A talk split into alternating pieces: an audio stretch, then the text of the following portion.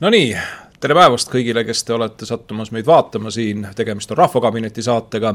ja tänane Rahvakabinet, nagu näha, alustan täna seekord vestlust hoopistükkis mina, minu nimi Tarmo Hintson ja minu kõrval siin, ilmselt tutvustamist ei vaja, meesterahvas, kes on juba pikka aega meil siin Rahvakabinetis istunud ja teemasid lahti teinud tema nimi on, palun. jah, minu nimi on Kalle Grünthal, pärast seda pikka plejaadi, seda tutvustamist ei vaja, noh, mõni ikka veel võib-olla ehk ei tea ja äh, mis meil siis täna plaanis on? Äh, kõigepealt, Tarmo, sa jätsid ühe asja tegemata, sa lubasid soovida midagi. ma mõtlesin, ma jätan selle lõppu. ei, lõppu, lõppu tuleb minu poolt soovitus. Ah, sinu poolt soovitus, no heakene küll. vaadake, ma panin tänasel päeval endale selga ka sellise ajakohase riietuseseme, sest nagu te teate, vaatate kalendrisse, näete, et õige varsti on juba esimene advent käes, nii et kõigile teile, kes te vaatate meie rahvakabinetti, siis soovime loomulikult mõnusat esimest adventi nii, aga see oli minu poolt soovitus, sina ütled oma soovituse siis kõige lõpus. mina ütlen, ei, ma ei ütle soovitust, ma ütlen kui soovid, noh. konstanteerin ühe fakti, aga las see jääb siis saate lõpuossa. aga äh, tänase jutu teema, mida me siin, siin loetud minutitega räägime, on energia. ja energia, see, mis meid tapab, pigistab, kägistab rahakotist, see on saanud äh, väga kõrge tähelepanu osaliseks, küll ainult kahjuks äh, nii-öelda Eesti Konservatiivse Rahvaerakonna poolt Reform, kes seda asja juhib koos Kaja Kallasega, ütleb, et Eesti on kindlates kätes, võiks öelda isegi raudsetes kätes ja need raudsed käed pigistavad meie kõikide kõri. ja miks ma, miks ma selliselt dramaatiliselt alustan, sest jällegi tulid sellel nädalal teated, kus mitmedki ettevõtjad on jälle oma uksed sulgenud seetõttu, et äh, ei ole võimalik maksta äh, elektrienergia tasu, sest peale sellele oma ettevõtlusele ei ole ju mõtet ikkagi maksta. ja mis seal ikka, äh, asi on terav, tuline ja täna oli Riigikogus ka siis selline teema, kus otsiti siis lahendust energiakriisile ja reformarid tulid välja siis äh, riiklikult tähtsa küsimusega, kuidas energiasõjas võidukas olla.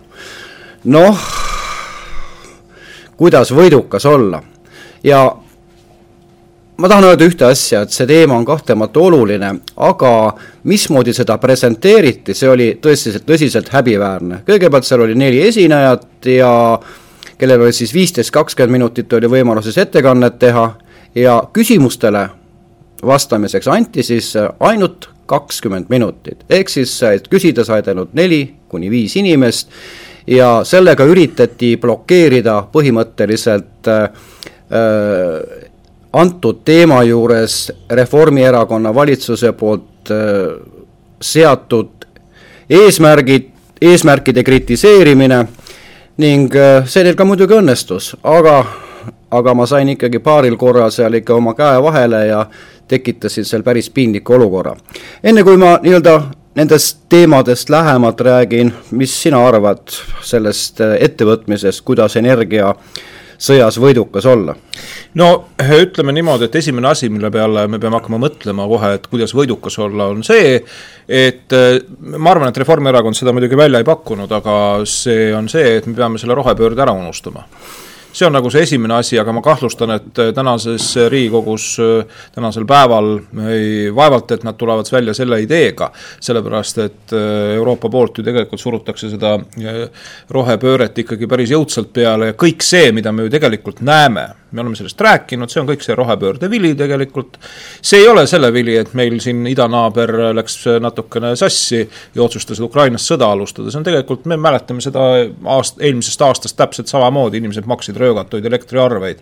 vahepeal oli see number päris õudne, mis mõned inimesed pidid välja maksma isegi selle eest, kui nad seal oma majapidamises ei olnud, ütleme, et käisid suvilas, suvilas oli võib-olla mingisugune väike elektriseade ja pärastpoole tulid tagasi ja avastasid, et see elektriseade, noh näiteks see oli häirealarm pani, oli noh, loomulikult ta töötas, loomulikult ta võttis elektrit, maksid selle eest noh, mingisugust äh, absurdset summat, ütleme sada eurot ühe niisuguse väikese elektriseadme eest. nii et noh, põhimõtteliselt ütleme niimoodi, et see, et äh, selleks, et et võita seda elektrisõda, selleks tuleb see rohepööre lihtsalt praegusel hetkel ära unustada, see on kõik nõus sinuga, äh, minu meelest peaks mitte ära unustama, vaid äh, praegusel hetkel lausa maha matma. no et, ära unustama, maha matma. jah, et see on niimoodi.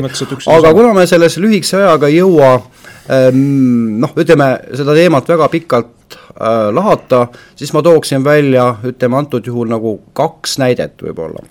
kõigepealt mida meile serveeritakse. Ja mis on ka muidugi globalistide plaan, on see, et et äh, aastast kaks tuhat kolmkümmend lõpetatakse siis äh, bensiini- ja diiselmootoriga autode tootmine, mis tähendab ka seda, et mingi ajahetkedes lõpetavad töö siis ka nii-öelda varuosade tootjad ning siis oleme me sunnitud kasutama elektriautosid, nii vähemalt räägitakse meile. aga mul on siin ühed andmed, nimelt on väidetavalt on siis maailmas ja muidugi noh, et elektriauto kasutab ju tegelikult ka äh, akudes liitiumi, mis on väga oluline komponent selle ja see tootmine on ülimalt mürgine ja aga sellest muidugi rohepöörajad ei räägi. ja siis maailmas on väidetavalt kuskil kakskümmend kuus miljonit tonni liitiumit, see on siis ütleme see, mitte nüüd puhas liitium, aga ütleme see maavarana, toormena, ja ühe elektriauto valmistamiseks kulub siis null koma viis tonni sellest äh, maailma varudest, siis ma rõhutan veel kord, tegemist ei ole puhta liitiumiga, vaid liitiumi maavara, maagiga. ja ütleme, et on tehtud siis arvutusi, et sellest saab toota ainult viiskümmend kaks miljonit elektriautot. ehk siis, kui ühel hetkel meil lõpeb see liitium otsa, siis tekib küsimus, akude jaoks seda toorainet enam ei jätku, küsimus, Tarmo millega me siis sõitma hakkama. ma täna küsisin seda ka Reformierakonna ettekandja Kristen Michalilt selle küsimuse ja ja ega sealt mingit ilusat vastust ei tulnud, hakkas üks niisugune heietamine veiderdamine pihta, aga äkki sina äh, oskad ja julged vastata? ma julgen täiesti vastata selles suhtes, et inimesed on, kui me vaatame tagasi mootorsõidukite ajalugu, siis me näeme ühte niisugust väga huvitavat asja, et vanasti oli mootorsõidukitel oli juba siis, äh, näiteks enne, kui tuli see autokütus, mida me kõik teame bensiini näol, nafta näol, enne seda inimesed kasutasid äh, varastes masinates, kasutati isegi küttepuid selle jaoks, et energiat saada, et auto saaks sõita. kasutati isegi mingil moel elektrit, nii et see elektriauto asi ei ole uus, aga siis mindi nafta peale, nii et ma ütlen, et kui see kakskümmend kuus, mis, mitu see oli, viiskümmend kaks või?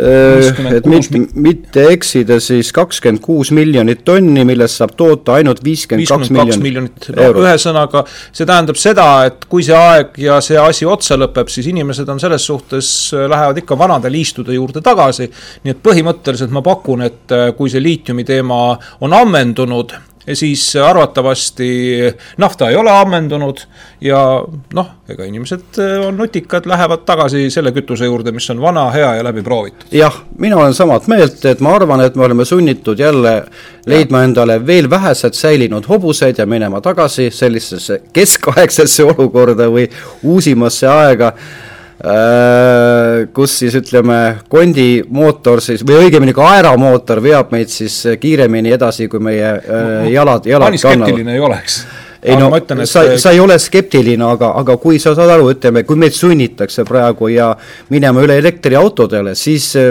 mis on alternatiiv, vähemalt Kristen no. Michal seda täna välja ei pakkunud. Eh, soiud seal küll mingisugust väga imelikku kuradi vesinikku ja uut tehnoloogiat, aga, aga see ei ole tegelikult lahendus. ja mis kõige hullem veel, ei ole lahend-, lahendus pole praegu ka nii-öelda nende eh, akude utiliseerimise osas.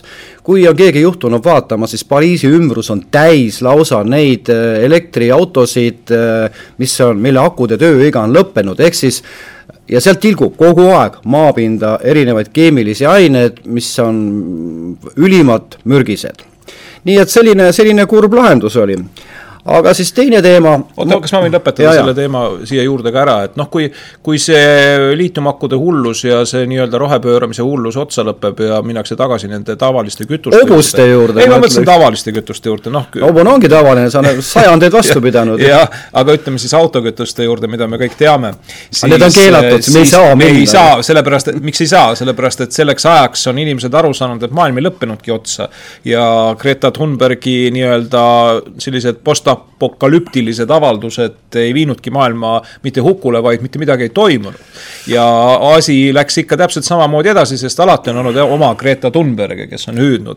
aga praegusel hetkel on see nii, aga ma ütlen, et läheb mööda kakskümmend, kolmkümmend aastat ja kui see hullus lõpeb, siis minnakse tagasi rahulikult nafta.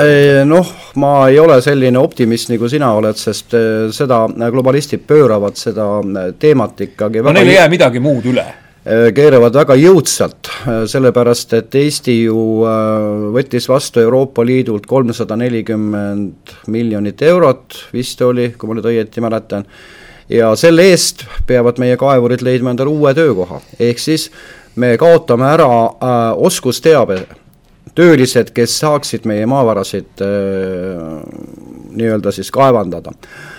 aga teine teema äh,, noh, põhimõtteliselt on, kaotavad ära ja, ja siis me olemegi olukorras, kus meil mida, mida me siis kaevandame, ega siis see protsess ei käi mitte ainult Eestis, see käib ka üle maailma. see ei tähenda ka seda, et kaevandamine otsa lõpeks. aga kes kaevavad? no vot, see on hea küsimus. aga lähme edasi, äh, ütleme, nüüd on niimoodi ja teine teema, mida mul õnnestus küsida siis lõpuks oli ka see, et et äh, teatavasti on üks Eesti ettevõtja siis äh, äh kellel oli siis väikene hüdroelektrijaam, ehk siis rohepöörde osas, oli kõva sammu edasi teinud, ja tema äh, väike hüdroelektrijaamal oli sõlmitud leping äh, kolmkümmend äh, kaks kilovatti siis äh,, et tema tootmisvõimsus on.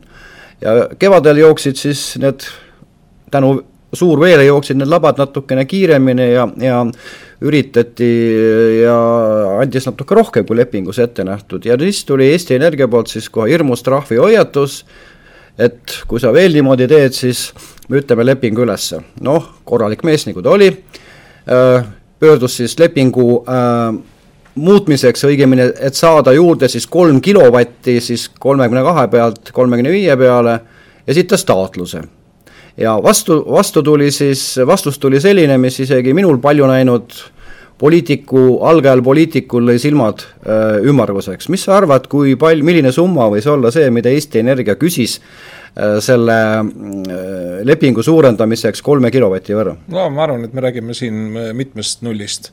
arvatavasti jäävad need kuskil sinna Äh, kuue nulli juurde. no ütle mingi summa välja, kui sa julged. no miljonitest räägime ikka. jaa, ja, ja kujutage ette, see summa, mida nad tahtsid saada selle kolme kilovati eest, et nendel on vaja ümberehitustöid teha äh, kahekümne nelja koma seitsme miljoni euro eest pluss käibemaks no ma ei tea, Paide linna eelarve on siin, jääb natukene allapoole kuskil Paide linna miinus on ei, ei, ärme Paide linna miinust räägime, räägime, palju eelarve on, see on ja. kuskil äh, kakskümmend üks millegiga või kakskümmend kaks. et äh, terve Paide linn kolme kilovati maksumus on.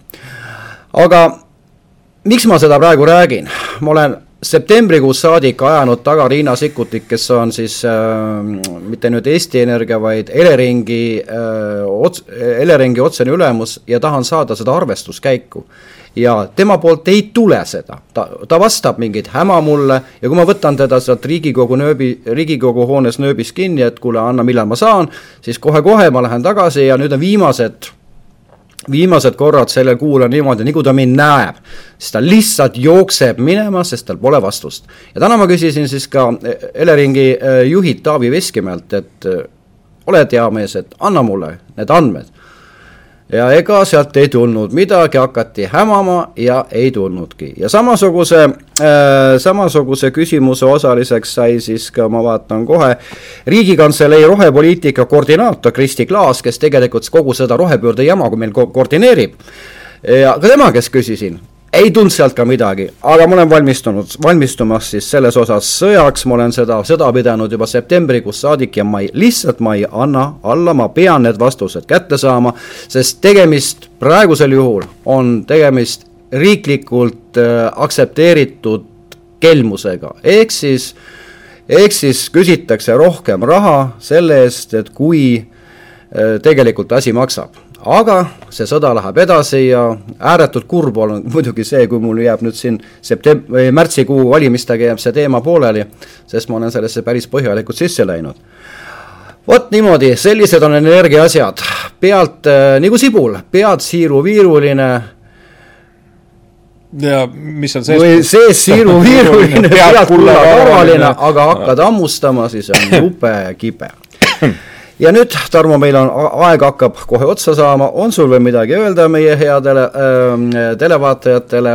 ma võin öelda seda, et üritan olla natuke prohvetlik, vaata sama asi, mis ma siin, mis me siin rääkisime seoses sellega, et et äh, kuidas hakkab elu nägema kolmekümne, neljakümne aasta pärast, et et need siin, kes siin unistavad sellest, et oh, kõik on nii hästi roheline, ma ütlen teile, kolmekümne, neljakümne aasta pärast me sõidame usinalt uuesti tagasi nafta põhjal baasil põhinevate masinatega, sellepärast et, äh, et kõik on saanud aru sellest, et see, see maailma lõpp kümne aasta jooksul ei realiseerunud ja see on see reaalsus, nii et pange seda tähele.